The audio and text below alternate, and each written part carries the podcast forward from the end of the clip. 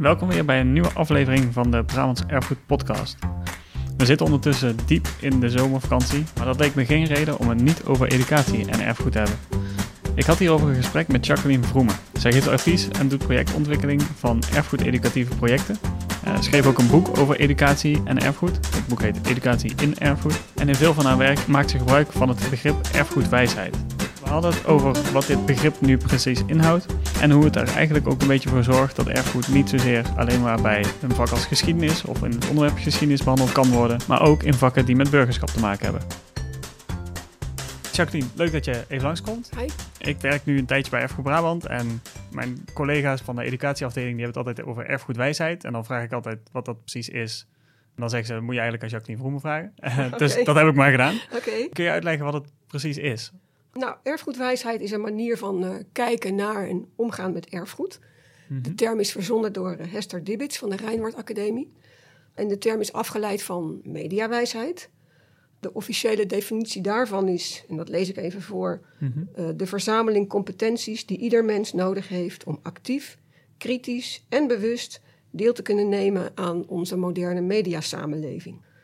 En erfgoedwijsheid zou je dan kunnen omschrijven als het is de verzameling van competenties die ieder mens nodig heeft om actief, kritisch en bewust met erfgoed om te kunnen gaan. Dus is het dan een manier van kijken eigenlijk of meer een methodiek? Het is een manier van kijken, maar ook een manier van met elkaar erover te kunnen praten. Mm-hmm. Het is ook een manier van uh, bewustwording. Veel mensen zijn zich, gaan op een andere manier met erfgoed om of kijken er op een andere manier naar, zeker in het onderwijs wordt erfgoed gezien als dingen waarmee je de leerlingen kunt leren hoe het vroeger was. Dus mhm. aan monumenten of voorwerpen of plekken kun je dan zien hoe wij vroeger leefden. En erfgoedwijsheid gaat uit van hoe wij nu met erfgoed omgaan. Oké, dus meer het feit dat het dingen zijn die uit het verleden overgeleverd zijn. De, de stenen zelf als het ware, de monumenten zelf. Uh, maar het bewustzijn dat wij daar zelf een nieuwe lading aan geven in een nu als het ware. Omschrijf ik het dan goed? Ja, dat. We geven elke keer een nieuwe lading aan. Maar het gaat eigenlijk nog verder. Want erfgoed is erfgoed omdat wij het erfgoed noemen. Dus mhm. wij leggen er een claim op. Wij, wij zetten er een stempel op. Dit is erfgoed. En die dynamiek, die kun je bestuderen met erfgoedwijsheid. Oké. En je zei, het is een concept van Hester Dibbet eigenlijk. Ja, hoe is het tot stand gekomen? Uh, nou, zij heeft samen met uh, Marloes Willemsen van Imagine IC, dat is een uh, kleine erfgoedinstelling in Amsterdam, mm-hmm. in de Bijlmer, hebben zij dit ontwikkeld en op die manier zijn zij met erfgoed bezig geweest. Het is trouwens ook een manier waarop op de Rijnwaard Academie naar erfgoed wordt gekeken. En ik denk dat is niet zozeer een historische methode als meer een methode die ook uit de etnologie komt of zoals je zou willen, de culturele antropologie. Je kijkt mhm. daarbij naar hoe mensen met dingen omgaan. Niet alleen met dingen, maar natuurlijk ook met rituelen en tradities. Ja, het is niet per se alleen het materiële erfgoed, maar ook immaterieel erfgoed. Ja, dus eigenlijk is erfgoedwijsheid meer uh, menskunde eigenlijk dan dingenkunde, als je het zo zou willen zien. Ja, precies. Het gaat Niet zo, ja, letterlijk niet zozeer om het erfgoed eigenlijk, maar de omgang met het erfgoed en de manier van kijken naar. Ja. Uh, en hoe je dat dan bijbrengt aan leerlingen uh, in klassen eigenlijk. Ja. Nou ja, ik had een leuk voorbeeld ook waarmee je heel goed kunt illustreren, denk ik, hoe belangrijk het ook is en mm -hmm. hoe, hoe, relevant. En dat noem ik het uh, Paella-incident. dat is een... Um, Klinkt niet heel spannend. Ja, niet? Daarom is het juist zo leuk. Uh -huh. um, dat was een erfgoedkwestie, zoals ik dat noem, die ik had ingebracht bij een uh, workshop die ik samen met Hester gaf om ja, cultuurmedewerkers, beleidsmedewerkers, eh, educatoren meer bewust te maken van erfgoedwijsheid. En het Paella-incident ging erover dat Jamie Oliver, die had, de beroemde kok, mhm. die had paella verrijkt met chorizo. Mhm. En dat recept had hij denk ik online gezet. In ieder geval werd het bekend. En uh, er waren allerlei Spanjaarden. Die waren er woedend over. En ze noemden hem een voedselterrorist. En dit moest onmiddellijk van tafel. Dit nou ja, kon allemaal niet. Het was geen paella meer en het was misschien een aanval op paella. Het was een aanval op hun mhm. nationale, of eigenlijk Valenciaanse paella-traditie. Want het is erfgoed, zeiden zij. Uh, en ik zie jou dan een beetje om lachen. En dat is nou juist, uh, daarom is het ook zo'n mooi voorbeeld. Um, want het is heel belangrijk ook dat je leerlingen bijbrengt dat erfgoed heel belangrijk is voor heel veel mensen, maar niet ieder erfgoed is voor ieder mens op dezelfde manier belangrijk. Integendeel, veel erfgoed is voor bepaalde mensen heel erg storend of raar. Eh, misschien willen zij het veranderen of willen ze zelfs dat dingen helemaal verdwijnen. Mhm. Ook dat is onderdeel van de dynamiek rond erfgoed. Ja, dat misschien minder het geval bij de paella, maar dan dacht je, je Oliver misschien vanuit nou, een traditioneel gerecht en ik ga daar iets nieuws, iets moderns mee doen. Maar dat viel helemaal verkeerd bij de mensen voor wie de, de, de zuivere vorm, tussen aanhalingstekens, of een, een specifieke vorm van paella heel veel emotionele waarde had eigenlijk. Ja, en daarmee zie je dus dat het, je wil dingen kunnen veranderen eigenlijk en moderniseren. Maar mhm. als mensen erg aan een bepaald erfgoed gehecht zijn en daarbij erg willen dat het historisch geworteld blijft en nooit verandert, ja, dan krijg je een probleem. Ja. Nou hebben we paella, maar we hebben natuurlijk ook uh, hoe de stad eruit ziet. Mhm. Gebouwen. Uh, hè, wat mag je veranderen, wat niet. En om nog even door te gaan op eten en de erfgoedclaim. Hè, We mhm. hebben hier in Brabant het worstenbroodje. Mhm. Of we, ik kom niet uit Brabant. Daar is voor geijverd om dat op de nationale inventaris te krijgen. Mm nu is het erfgoed. Ja. Dat was het officieel niet. Dat is natuurlijk heel grappig. Uh, waarom willen mensen überhaupt dat het die stempel krijgt? Het is een, een kwestie van trots uh, misschien. misschien ook een idee van, hè, daardoor blijft het langer bewaard. Want nu zijn er meer waarborgen dat het doorgegeven gaat worden. Dat mhm. vinden mensen belangrijk. Ja, ik weet dat er over dat worstenbroodje door een hoop mensen ook gelachen is. Van haha, worstenbrood, mhm. weet je wel. Um, want ja, mensen zijn verschillend in wat ze belangrijk vinden. Maar voor de mensen die zoiets belangrijk vinden, geeft het ja, waarschijnlijk ook een gevoel van saamhorigheid. Hè? Dit is ons erfgoed. Uh, en dat is dus voor jou eigenlijk een beetje de kern van, van erfgoedwijsheid. Om die vragen en die ideeën door te geven. Uh, of door te kunnen geven en over te kunnen brengen. Ja, om leerlingen zich ervan bewust eh, te maken, en trouwens niet alleen leerlingen, maar eh, ook volwassenen, mhm. dat erfgoed dus niet een vaststaand gegeven is, maar iets dat wij erfgoed noemen. Mhm. Dat we dat doen omdat we het belangrijk vinden en dat daar een enorme dynamiek omheen is. Dat wordt over onderhandeld.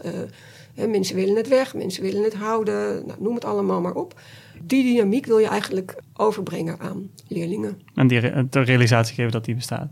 En je raakt er net al een klein beetje aan in je, een van je eerste antwoorden volgens mij, maar is het voor je gevoel als concept erfgoedwijsheid echt een, een soort van breuk met het verleden op educatievlak, zeg maar? Is het, is het iets heel anders dan wat we twintig jaar geleden in klassen deden als het over erfgoed of geschiedenis ging? Ja, voor een groot deel wel, ja. Ik ben niet bekend met wat in elke klas overal mhm. gedaan is, maar ik heb twee jaar geleden onderzoek gedaan naar erfgoededucatie in ons land. Ik heb gekeken welke projecten er waren en ik heb toen gekeken naar wat de leerdoelen daarvan waren vooral. Mhm. Ik heb er bijna 1400 gevonden en erfgoedwijsheid was daar niet of nauwelijks in aanwezig. Het erfgoed werd vooral gebruikt of als historische bron en of was de nadruk erg op het doorgeven ervan. Dus de leerlingen ervan doordringen dat erfgoed belangrijk is. Mhm vaak toch ook wel met een idee van: hé, hey, dit is jouw identiteit of het is onze lokale identiteit. Mhm. Eh, met daarbij de hoop dat leerlingen dat erfgoed ook belangrijk en mooi gaan vinden en er daarom later voor zullen willen zorgen. Dus er zit ook eigenlijk een belang bij vanuit het erfgoed zelf mhm. om dat door te geven middels het onderwijs. En daar op zo'n andere manier naar kijken, zeg maar als je kijkt naar schoolvakken, minder historisch en cultuuroverdrachtachtig, maar meer zeg maar burgerschapsvorming hè, of maatschappijleerachtig naar de kwesties daaromheen. Dat werd eigenlijk nauwelijks gedaan. Dus het was veel meer de, de autoriteit als het ware in de waarschijnlijk geschiedenisleraar of zo, die zei van dit is belangrijk. En die ging vertellen uh, waarom dat belangrijk was. En dan in de hoop dat die leerlingen dat ook gingen vinden.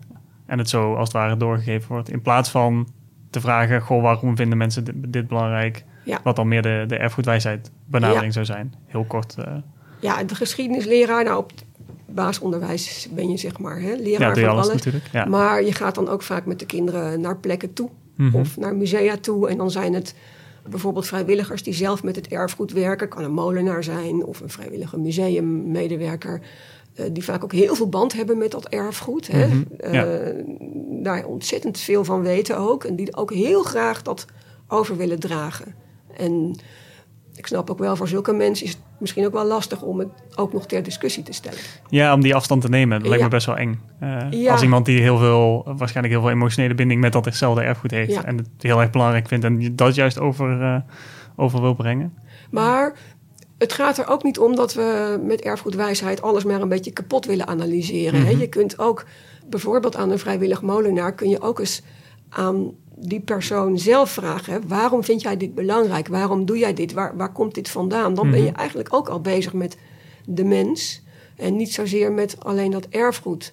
Je kunt aan een, iemand die een oudheidskamer beheert, vaak misschien bijna zelf helemaal bij elkaar heeft verzameld, of samen met een vereniging, ook aan die mensen vragen: hè, wat zijn jullie keuzes? Waarom doen jullie dit? Eh, waarom vinden jullie dit belangrijk? Mhm. Een soortgelijk project heb ik voor Erfgoed Brabant gemaakt. Daar zijn de kinderen aan wat dan hè, hier in Brabant zijn de erfgoedgemeenschappen heel belangrijk. Dus Mhm. dat zijn ja, verzamelingen van mensen die zich bezighouden rond een erfgoed. Ja, de heemkundekringen en dat soort. eh, Ja, heemkundekring of eh, zo'n club die dan een processie elk jaar in stand Mhm. houdt en organiseert. Dit is een club die eh, in het kloosterhuis woont in Sambeek en dat ook onderhoudt. En leerlingen hebben aan die mensen zelf gevraagd waarom zij dat doen, waarom ze dat belangrijk vinden, hoeveel ze daarvoor over hebben. Noem maar op. En dan horen ze via die mensen dat zij dat klooster belangrijk vinden. En daar mogen ze dan, mogen die kinderen het hunne van denken. Ja, en misschien vinden ze dan het klooster ook belangrijk, of vinden ze ook die mensen belangrijk en misschien ook niet. Ja, Zeg maar. misschien ook niet. Ja. En nou, we hebben het even gehad over waar het vandaan komt en of het Mhm. echt iets heel anders is dan in het verleden. Wat denk je dat de toekomst van erfgoedwijsheid is? Gaat dat zich als concept nog verder ontwikkelen? Of komt er Ja, straks over denk 10, ik wel. 20, 50 jaar iets heel anders voor in de plek? Nou, ik denk het wel. Het, het is zich ook aan het ontwikkelen. Er zijn Mhm. steeds meer plekken die eh, daarmee aan de gang zijn. Die erfgoedwijze leerlijnen zelfs eh, ontwikkelen. er worden nog steeds workshops gegeven, ook aan beleidsmedewerkers, bijvoorbeeld van provincies, over erfgoedwijsheid. Ook daar is het heel belangrijk. Hè? Eh, zeker provincies en ook grotere steden zijn altijd heel druk met het eh, vertellen van het DNA van of Mhm. het verhaal van. Ehm, waarbij het erfgoed eigenlijk ja, wordt gebruikt en ook als een soort afgerond verhaal wordt verteld van nou, dit zijn wij. Eh, ook daar is interesse toch ook wel in erfgoedwijsheid. En het grappige is wel dat het een beetje naast een andere beweging is. En dat is, ja, ik denk wel vanuit de bevolking, maar ook sterk vanuit de regering. De zoektocht van wat is de Nederlandse identiteit. Mhm. Die is in het gedrang, wordt in ieder geval gedacht of gevreesd. Wordt, eh, hoor je in ieder geval vaak in de politiek. Ja. Hoor je veel. En trouwens, het is niet nieuw, want het hele heemkundeverhaal kwam op in een Ja. tijd van snelle modernisering. Ook al meer dan 100 jaar geleden was hetzelfde angst. Hè? We veranderen Mhm. te veel. Maar goed, nu is dat ook aan de hand. En is er juist een sterke nadruk op de Nederlandse identiteit, de Nederlandse waarde, het Nederlandse erfgoed. Nou ja, het onzalige plan allemaal naar de nachtwacht, want dat is dan onze identiteit. En die twee lijken wel een beetje naast elkaar nu te bestaan. De, de druk om meer nadruk te leggen op ons nationale erfgoed en identiteit. Mhm. En aan de andere kant hè, de, steeds meer mensen die bezig gaan met erfgoedwijsheid en dat juist hè, als fenomeen willen bekijken.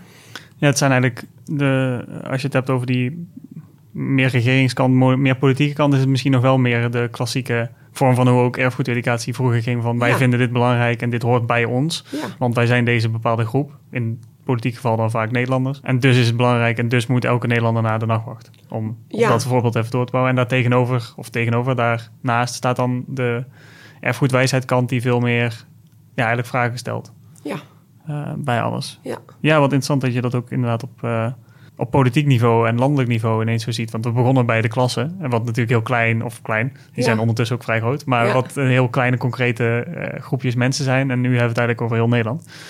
En de Ja. politiek. Erfgoed is natuurlijk ook heel Mhm. erg belangrijk voor heel veel mensen, voor landen. En je ziet het, er worden enorme strijden over uitgevochten. En dat ga je niet meteen in groep 5 doen. Maar daar kun je op hele kleine schaal bezig met kleinere erfgoedkwesties. Voor mijn part het worst- worstenbroodje of Mhm. een gebouwtje in de buurt... wat misschien afgebroken gaat worden. En dan zou je leerlingen bijvoorbeeld eh belanghebbenden kunnen gaan laten interviewen. Wat vinden ze daarvan? En dan in de hoop dat die eh, leerlingen straks zich wat beter weten te manoeuvreren en positioneren in de, de soort van grotere landelijke discussies als ze ouder zijn. En de, Ja. de- dezelfde soort vragen blijven stellen. Ja, en ik Eh. denk dat het ook heel belangrijk is dat leerlingen geleerd wordt dat zij niet alleen ontvangers en doorgevers zijn van erfgoed, maar zij zijn ook erfgoedmakers. Mhm. Zij hebben een stem, ze hebben een rol, actieve. En het is goed als ze die ook eh, heel bewust kunnen gebruiken. Ja, als ze zich daar bewust van zijn en daar Ja, echt iets mee, eh, zelf mee aan de gang kunnen, zeg maar. Zelf wat je echt zelf kunnen gebruiken. Ja, heel gaaf. Uh, dankjewel dat je even er iets over wilde komen vertellen. Alsjeblieft. Wil je nu meer weten over erfgoedwijsheid of erfgoed in educatie? Lees dan het boek van Jacqueline of kijk eens rond op erfgoedbrabantacademie.nl. Uh, linkjes naar allebei zal ik uh, toevoegen in de afleveringspagina op Brabants Erfgoed. En die vind je weer via brabantserfgoed.nl slash podcast. En daar vind je ook afleveringen van eerder in het seizoen. Vergeet niet om uh, je te abonneren op deze podcast in je favoriete Stitcher, iTunes, Spotify, Soundcloud. Want er zit in dit seizoen nog maar één aflevering volgende week. Maar het lijkt erop alsof we in een najaar een aantal hele interessante en spannende specials gaan maken. Dus daar heb ik al enorm veel zin in.